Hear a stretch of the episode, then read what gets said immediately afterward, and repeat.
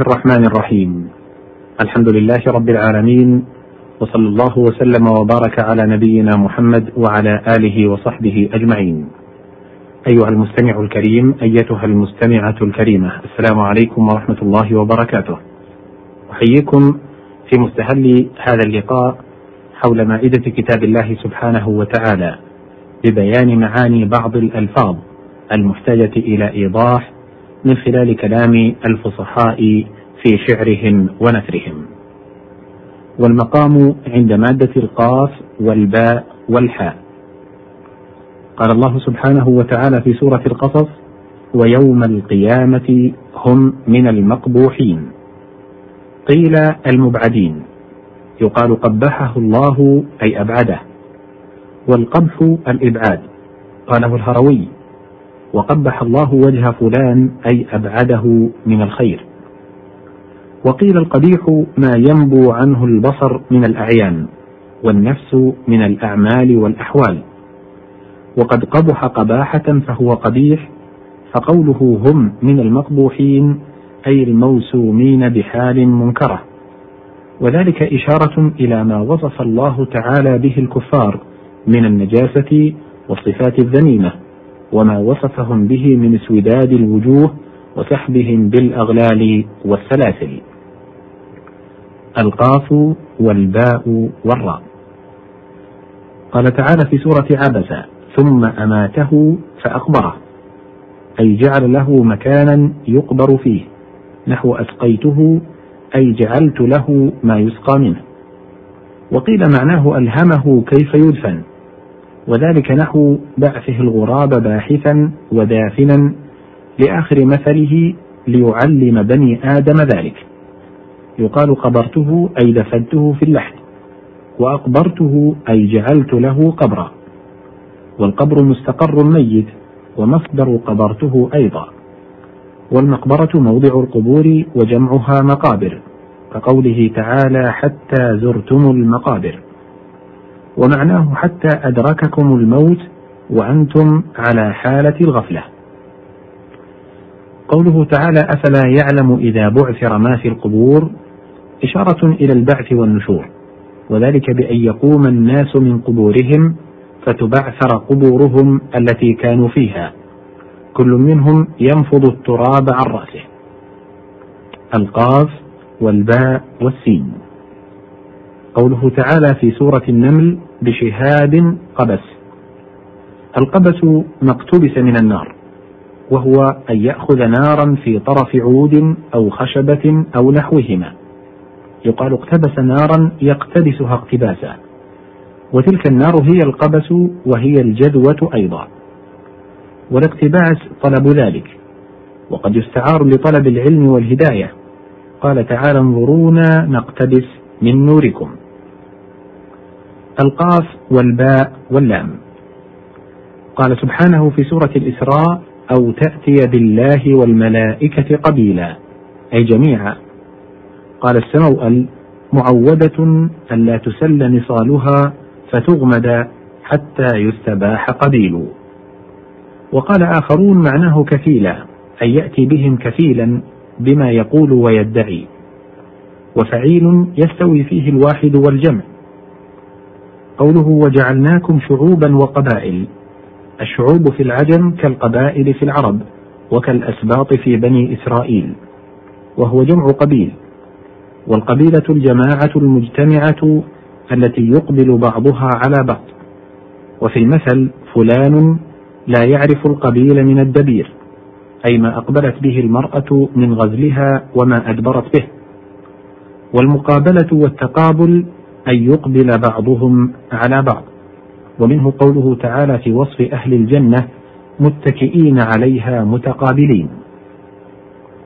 قوله تعالى إنه يراكم هو وقبيله أي جماعته وجنده. وقال الأزهري القبيل الجماعة ليسوا من أب واحد وجمعه قبل فإذا كانوا من أب واحد فهم قبيلة. قوله تعالى فلنولينك قبلة ترضاها يريد الكعبة. سميت بذلك لأنها تقابل المصلي ويقابلها. والقبول ريح الصبا وإنما سميت بذلك لاستقبالها القبلة. القاف والتاء والراء. قوله تعالى في سورة الفرقان والذين إذا أنفقوا لم يسرفوا ولم يقتروا. أي لم يضيقوا والقتر التضييق. ورجل قتور ومقتر وقتور صيغة مبالغة. قال تعالى وكان الإنسان قتورا. وفيه تنبيه على ما جبل عليه الإنسان من البخل. وعليه قوله تعالى وأحضرت الأنفس الشح. قوله تعالى وعلى المقتر قدره أي وعلى الفقير الذي ضيق عليه رزقه. كقوله ومن قدر عليه رزقه. قيل وأصل ذلك من القتار وهو الدخان من الشواء والعود.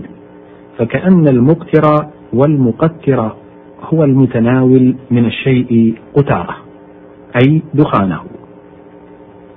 قوله تعالى ترهقها قترة أي دخان يغشى وجوههم.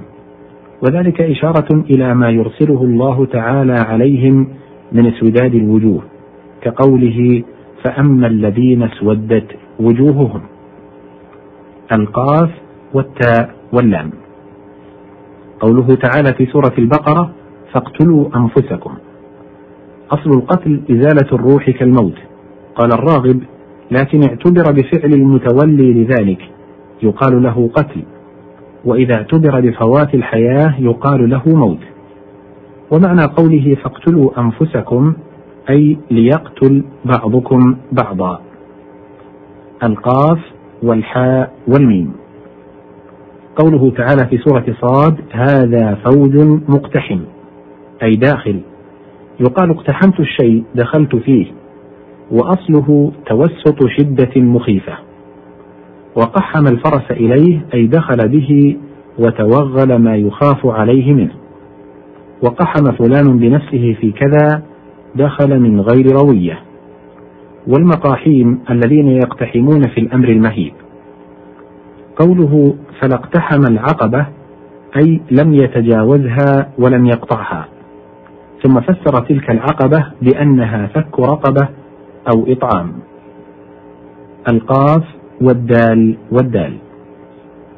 قال تعالى في سورة يوسف وإن كان قميصه قد من دبر القد قطع الشيء طولا والقدة القطعة من اللحم وقددت اللحم فعلته فعلت به ذلك فهو قبيل وغلب في اليابس منه.